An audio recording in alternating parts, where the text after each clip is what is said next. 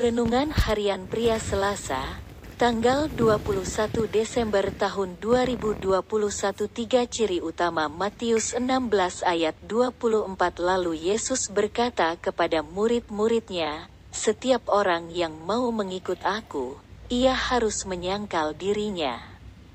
Memikul salibnya dan mengikut aku.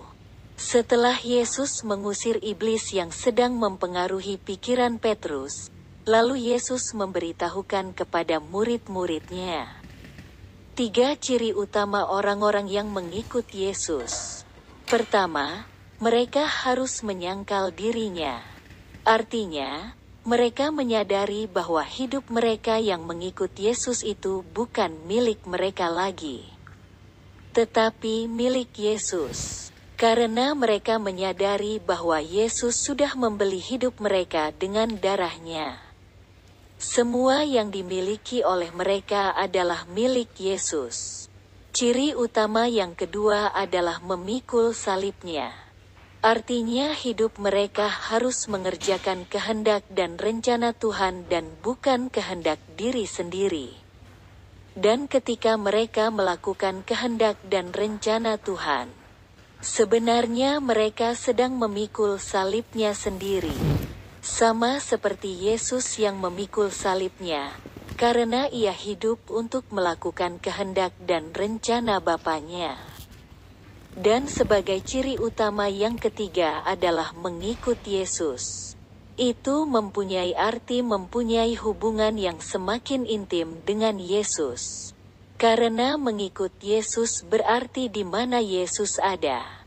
Di situ mereka juga ada. Marilah kita introspeksi diri kita sejenak dan tanyakan kepada diri kita masing-masing. Apakah tiga ciri utama itu ada di dalam kehidupan kita sebagai orang-orang yang percaya kepada Yesus?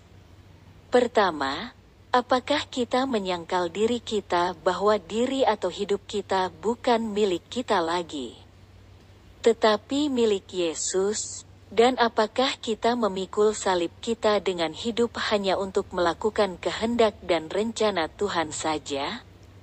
Serta apakah kita terus membangun hubungan yang semakin intim dengan Yesus setiap harinya? Marilah kita terus bertumbuh dalam pengenalan akan Yesus setiap harinya. Agar ketiga ciri utama itu ada di dalam kehidupan kita dan semakin nyata di dalam kehidupan kita sehingga melalui kehidupan kita, namanya dimuliakan dan menjadi kesaksian bagi banyak orang.